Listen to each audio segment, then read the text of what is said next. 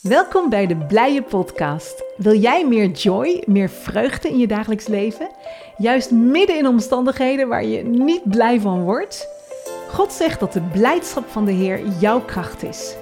Ik ben Rut en ik ben op ontdekkingstocht. Ik neem je graag mee in deze School of Joy. Om te ontdekken de kracht van Gods vreugde. Ga jij mee op avontuur?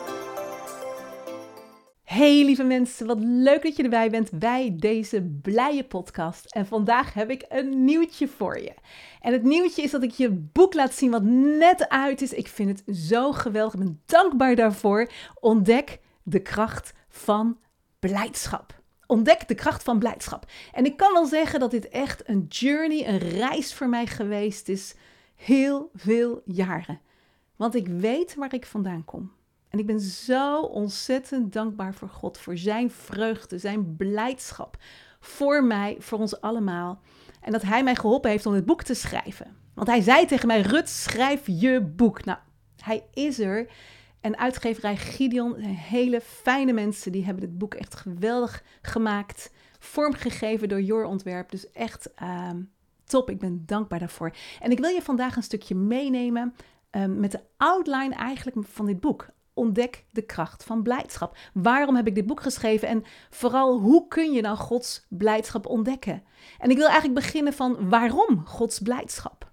Want weet je, soms zeggen mensen tegen mij: ja, blij, blij, blij, blij ei. Maar dat is het dus niet. Het is niet een oppervlakkig gevoel of zo. En eh, van binnen word ik daar zelfs een beetje kriegel van, want ik merk dat het me iets doet als, um, ja, als we alleen maar denken over een blije, oppervlakkige emotie. Want de Heer Jezus is voor iets anders gestorven. Hij is gestorven voor die diepe vreugde, zijn vreugde, die Hij aan jou wil geven. Dus daarin wil ik jou meenemen in deze podcast. Ontdek de kracht van blijdschap. Nou, dus bijbelse blijdschap is niet iets oppervlakkigs. Het is niet een kortstondige emotie of het is ook niet afhankelijk van je omstandigheden. En dat is zo ontzettend goed nieuws. Jouw vreugde is niet afhankelijk van je omstandigheden. Dus zelfs midden in moeilijke dingen kun jij zijn blijdschap ervaren. Zijn vrede, zijn blijdschap, zijn vreugde ook beleven in je hart. En dat uit zich zeker in emoties, maar het is niet het eerste. Het begint niet met je gevoel, maar het begint met dat je weet wie je bent. En dat je weet wat God voor jou heeft gedaan. Nou, het is dus niet een hype, blijdschap. Het is niet een opgewekt, soort frivol, luchtig gevoel. Het is geen blij-ei gevoel. maar het is niet iets goedkoops. En ik las net nog in mijn Bijbel hoe Jezus leed voor ons, hoe hij stierf voor ons. In Matthäus 27 staat er dat hij um, aan het kruis ging en omgerekend in onze tijd is dat negen uur ochtends, werd hij gekruisigd en hij leed vreselijk voor ons. Echt zo afschuwelijk voor jou en mijn zonde. Hij kreeg die hele zondelast op zich geladen. En dan om twaalf uur, dan heeft hij drie uur lang tot het uiterste geleden. En dan breekt er een complete duisternis uit over de hele aarde. Een duisternis overal. Ik vind het bijzonder dat de Bijbel zegt over de hele aarde. Jezus is ook gestorven voor iedereen, over de, voor de hele aarde, voor de hele wereld. Die duisternis die, die breekt die, die is daar, die komt daar. En die laat eigenlijk zien de duisternis van onze achtergrond, van onze zonde, van ons verleden, van, ons, van wie wij zijn zonder Hem.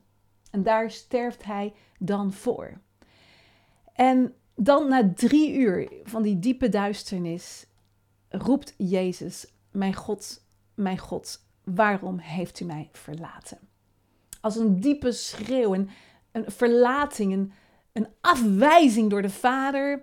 Want de vader kan op dat moment zijn ogen niet meer gericht hebben op zijn zoon, omdat zijn zoon belast is met onze zonde. Er staat zelfs in de Bijbel dat hij tot zonde gemaakt is. En dat heeft hij voor jou en voor mij gedaan. Hij is tot zonde gemaakt en hij zegt: Mijn God, mijn God, waarom heeft hij mij verlaten? En daarna staat er: Geeft hij de geest en sterft hij. En dan, Drie dagen later staat hij op. Hij staat op in de triomf, in de glorie van God en hij laat zien dat hij boven elke macht van de Satan, staat. Hij staat boven elke macht van de duisternis. Hij staat boven jouw zonde. Hij is groter dan jou, niet goed genoeg. Hij is groter dan alles waar jij mee kampt. En dat vind ik zo'n goed nieuws, want als er één ding is wat mij heeft aangevallen, is het continu die gedachte: je doet het niet goed genoeg. Ik doe het niet goed genoeg. Ik ben niet goed genoeg. Ken je dat? Die enorme aanklagerij. En dat is een enorme vreugde erover.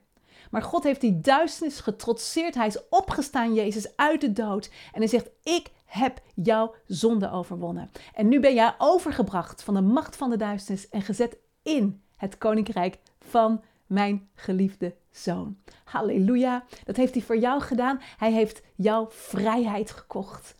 Jezus is gekomen om leven en overvloed te geven. Leven en overvloed. Dat klinkt wel als blijdschap, toch? leven en overvloed. Het is dus geen blije emotie. Het is niet goedkoop. Want Jezus heeft er alles voor gedaan. Alles om het voor jou en mij vrij te kopen. En dan scheurt dat voorhangsel naar, naar, door midden, van boven naar beneden. Dat kan ook niemand anders gedaan hebben dan God zelf. Een heel dik gordijn en kleed en dat wordt door midden gescheurd. Normaal gesproken mocht je alleen maar in het heilige der heiligen komen als je hoge priester was. En dan nog maar één keer per jaar en er werd er maar één hoge priester uitgekozen. Om voor de zonde een offer te doen. En eigenlijk daarmee, op het moment dat Jezus sterft en dat voorhangsel wordt, wordt geript, zeg maar, wordt gescheurd van boven naar beneden, zegt God, het is voorbij.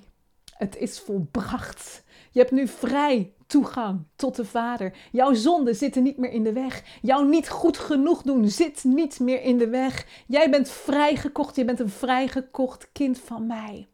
En ik wil dat je in mijn overvloed leeft. Ik wil dat je in mijn principes leeft, in mijn liefde, in mijn vrede en in mijn blijdschap. Ja, dat is zo geweldig. Wat een enorme waarheid. Ik vind het mooi, want Hebreeën 4 zegt dat wij in volle vrijmoedigheid, in volle vrijheid mogen komen tot de troon van genade. Dus de troon van oordeel is in het nieuwe verbond een troon van genade geworden en daar mogen jij en ik vrij ingaan. En dat is de reden voor onze blijdschap. Dat is de reden voor onze vreugde. En als, als emoties tegenzitten, als omstandigheden tegenzitten, als mensen tegenzitten, dan is dat vervelend en dan doet ons dat wat in onze emoties. Maar we kunnen elke keer weer vasthouden aan die basis, aan dat fundament van Gods genade dat Hij ervoor gestorven is en dat Hij is opgestaan en jij nu met Hem gezeten bent in hemelse gewesten. Waar jij dus, zegt de Bijbel, een koning en een priester bent. Je bent gemaakt om te regeren op deze aarde. Romeinen 5, vers 17. Als wij dan de gave van gerechtigheid ontvangen hebben en de overvloed van genade, dan kan je leven, staat er, als koningen in dit leven. Regeren als koningen in dit leven. Dus we mogen regeren over gevoelens van ik doe het niet goed genoeg, ik ben niet goed genoeg, ik ben het niet waard, het gaat niet goed, het zal nooit lukken. Ik ben te dom, ehm, ik haal mijn roeping nooit, ik versta Gods stem niet. Al die leugens van de duisternis. Om jou te proberen je in je hok te zetten en je gevangen te houden. Maar God zegt, is heel mooi. Er was een boek in Amerika en dat zagen wij toen wij daar woonden. En dat vond ik zo'n mooie titel. er stond: The prison doors are open. Why are you still inside? De gevangenisdeuren zijn open. Waarom zit je nog in die kooi? En het is een ding van heel erg onze gedachten te trainen. Elke keer weer, Vader, ik wil mijn gedachten vernieuwen naar uw waarheid. En ik merk, ik moet dat elke dag zelf doen. Elke dag weer, als er omstandigheden zijn die lastig zijn, om te zeggen: nee, dit is de waarheid. Ik geloof de waarheid van Gods koninkrijk. En zo mooi, want in de omwisseling aan het kruis, er staat daar alvast geprofiteerd door Jezaja in Jezaja 61, dat hij ons geven zal hoofdsieraad in plaats van as en vreugdeolie in plaats van rouw en een lofgewaad in plaats van een kwijnende geest. In plaats van een neerslachtige geest, lof. In plaats van rouw, vreugdeolie. In plaats van as, een kroon. Dat is wat God voor jou en mij heeft. Dat wanneer we die kroon opzetten van het regeren met Hem, wanneer we, um, wanneer we dat, dat uh, lofgewaad aandoen van Hem te loven, Hem te prijzen, in plaats van neerslachtig te blijven, en wanneer we die vreugdeolie opkrijgen, als het ware door de Heilige Geest, denken we, oh dank u wel voor uw geest die ons elke keer weer zalft met uw vreugde. Dank u Heilige Geest voor uw vreugdeolie in plaats van rouw. En het is niet alleen een zalving door de Heilige Geest, maar vreugde is ook een vrucht van de Geest. He, Gelaten 5, vers 22, er staat als je um, in hem bent, met hem wandelt als het ware, dat de vrucht van de Geest is liefde, blijdschap, vrede, geduld enzovoort. Dus als je elke keer weer naar hem toe gaat, ook al voel je je niet zo blij, maar dan wil God jou vullen met zijn liefde en zijn vreugde en zijn vrede. Wauw, en dat is het goede nieuws. En weet je, ik heb wel vaker verteld, en misschien heb je het uh, al wel eens gehoord, maar man, ik kom zo uit een achtergrond van niet goed genoeg. En ik worstelde daar zo enorm mee. En in het natuurlijke was er helemaal geen reden toe. Want ik heb een goede opleiding genoten. Ik heb uh, in het bedrijfsleven gewerkt. Uh, in Frankrijk gewerkt, in Nederland, in een uh, middelgroot bedrijf, daarna in een multinational, in marketing en marktonderzoek. Ik had hele goede posities. Ik had een uitstekende cv. En ja, ondanks dat, ondanks dat alles eigenlijk heel goed was, zat het niet goed in mijn hoofd en in mijn hart. Ik dacht elke keer weer, ik ben niet goed genoeg. En het helpt dan ook niet om harder te gaan werken of beter je best te doen, want dat ding zit in je hoofd. Dat is mooi, want het staat de bolwerken. Hè? Dat zegt uh, 1 Korinthe 10 dat het bolwerken zijn in ons denken.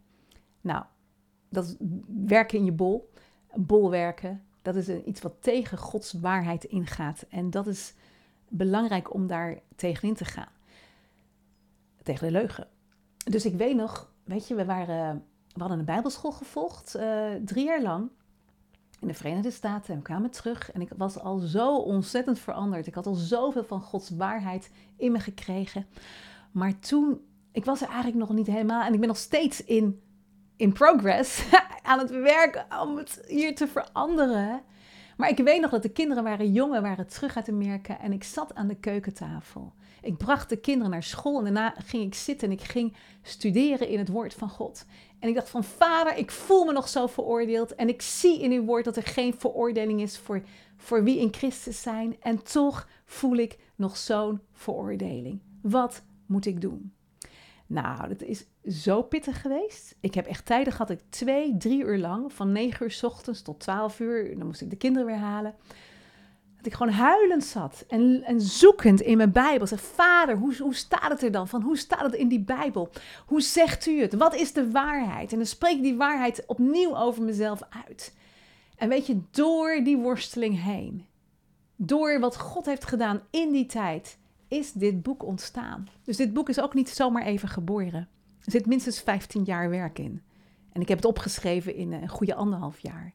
Maar uh, met alles erbij. met de correctiefase en alles met de uitgever erbij.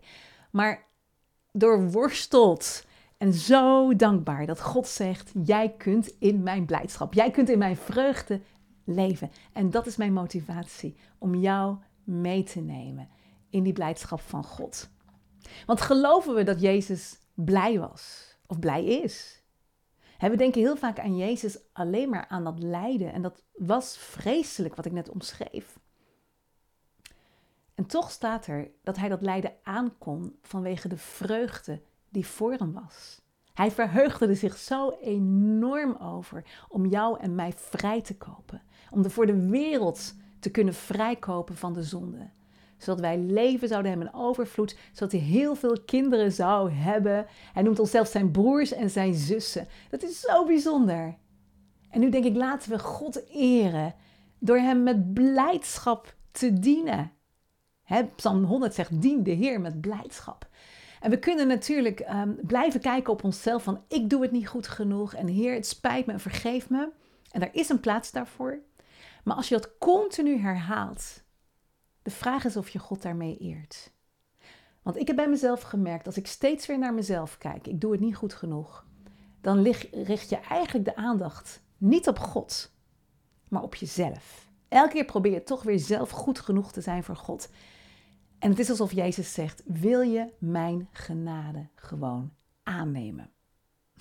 wil je gewoon aannemen dat ik jouw zonde heb op, op mij genomen en dat er de omwisseling is geweest op het kruis? En dan zegt Jezus: Ik wil jou volheid geven van blijdschap. Hij zegt, opdat mijn blijdschap in je zal blijven en jouw blijdschap volkomen zal worden, vol zal worden. Johannes 15, vers 11.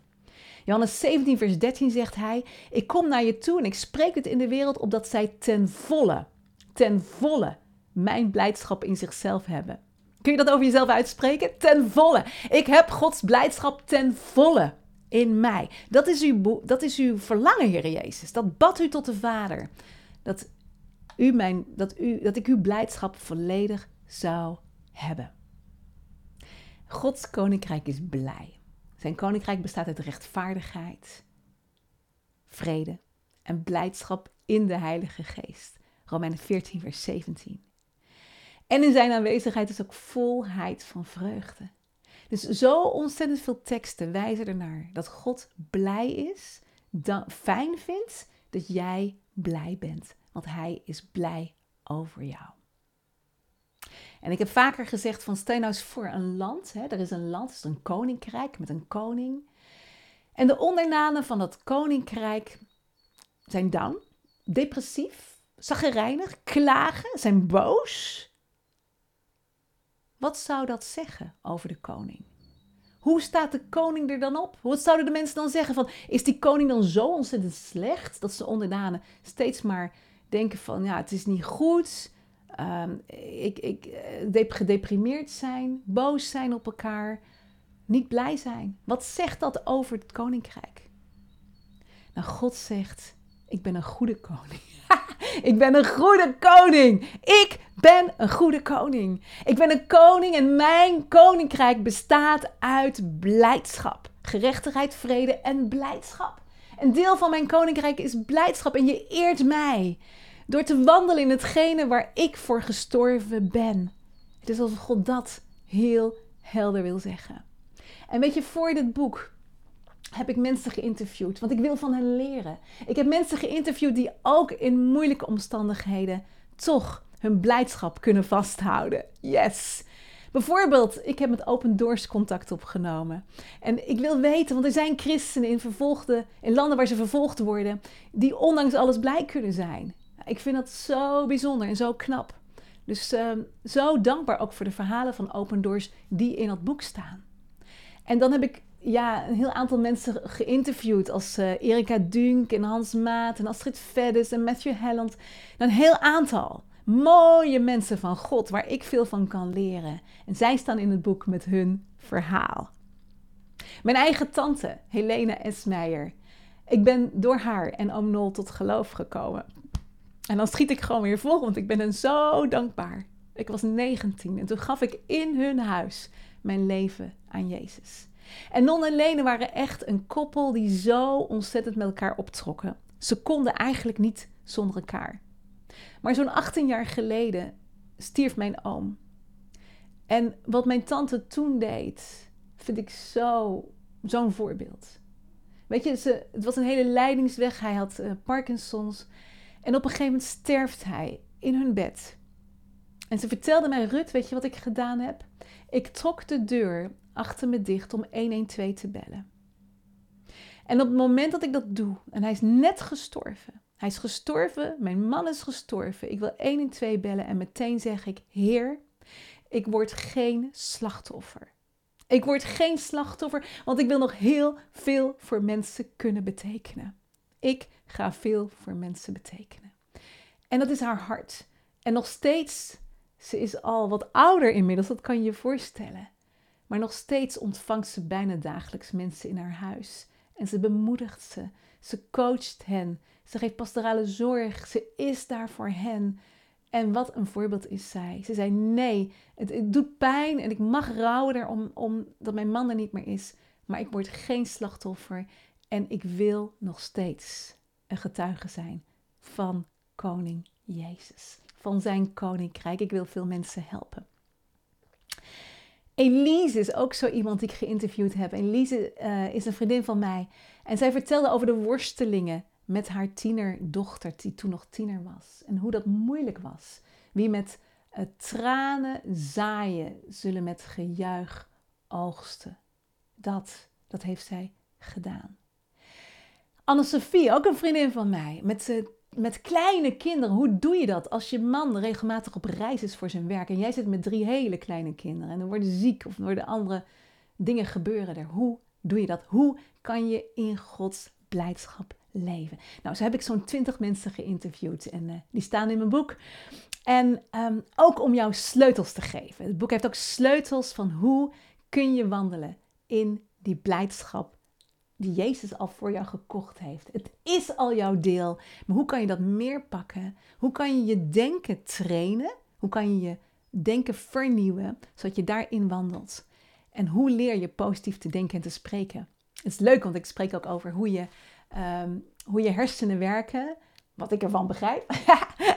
en uh, heel gaaf, we gaan in mei een training doen, die heet Ontwikkel een positieve mindset.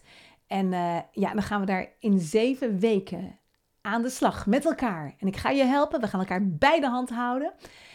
Om ons denken te vernieuwen en om blij en positief te gaan denken. Als je daar meer informatie over wilt, kijk even op de website joyfullife.org. Dat is de mindset training. Ontwikkel een positieve mindset. Hoe doe je het wanneer je heel veel zorgen maakt? Want zorgen maken is een enorme vreugde over.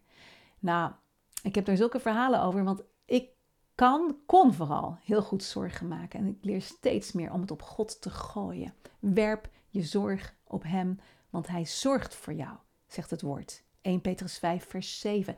Werp je zorg op Hem, want Hij zorgt voor jou. Hij wil voor jou zorgen als je het aan Hem wil overlaten.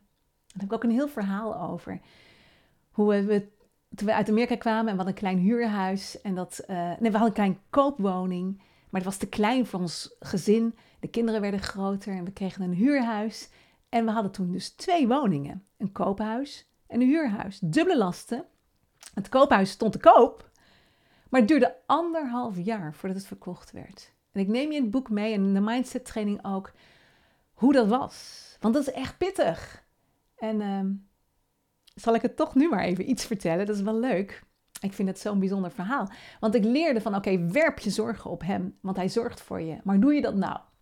Als je elke keer weer de last weer op je pakt. Want je zegt, heer, ik geef het aan u. En twee seconden later denk je, oh heer, hoe moet het nou? Herken je dat? nou, dat, dat heb ik heel veel gedaan. Vooral ook met dat huis.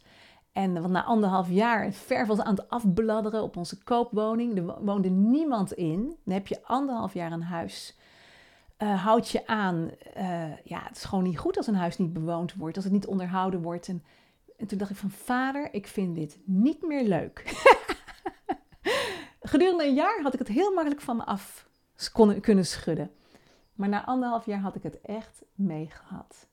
En dacht, oké, werp je zorgen op hem. Hoe doe ik dit? Want ik pak het elke keer weer terug. Hoe moet ik dit nou doen? En weet je wat ik heb gedaan? Ik heb de sleutel van mijn huis gepakt.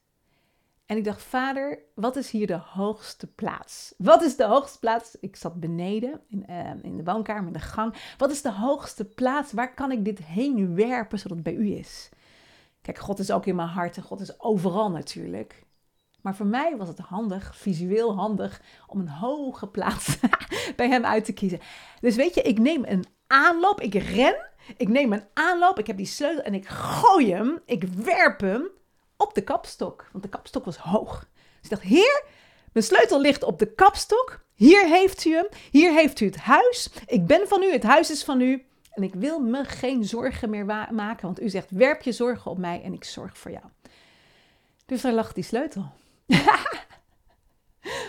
Twee weken later, ik moest regelmatig het huis checken dat we te koop hadden staan. Om te kijken of alles nog goed was. Of de water goed was, of er niks bevroren was, of nou ja, enzovoort. En ik sta daar met onze kleine jonge dochter op dat moment nog voor de deur. En ik zoek in mijn tas naar de sleutel. Ik denk, waar is die sleutel nou toch? En ik zoek en zoek. En ik heb altijd heel veel spullen in mijn tas. Dus het duurde echt even. En in één keer denk ik, Oh. en ik zei tegen mijn dochter: De sleutel ligt op de kapstok thuis. We kunnen er niet in. Hij ligt op de kapstok en ik was het vergeten. Wow, dat hielp me zo enorm om mijn zorgen los te laten. Het huis het heeft nog even geduurd, een aantal maanden en daarnaast verkocht. Maar het belangrijkste is, ik heb me geen zorgen meer gemaakt. Dus misschien, dit is één concrete tip. In het boek staan er veel meer. In de training Ontwikkel een positieve mindset gaan we je echt hele concrete tips geven en je meenemen daarin.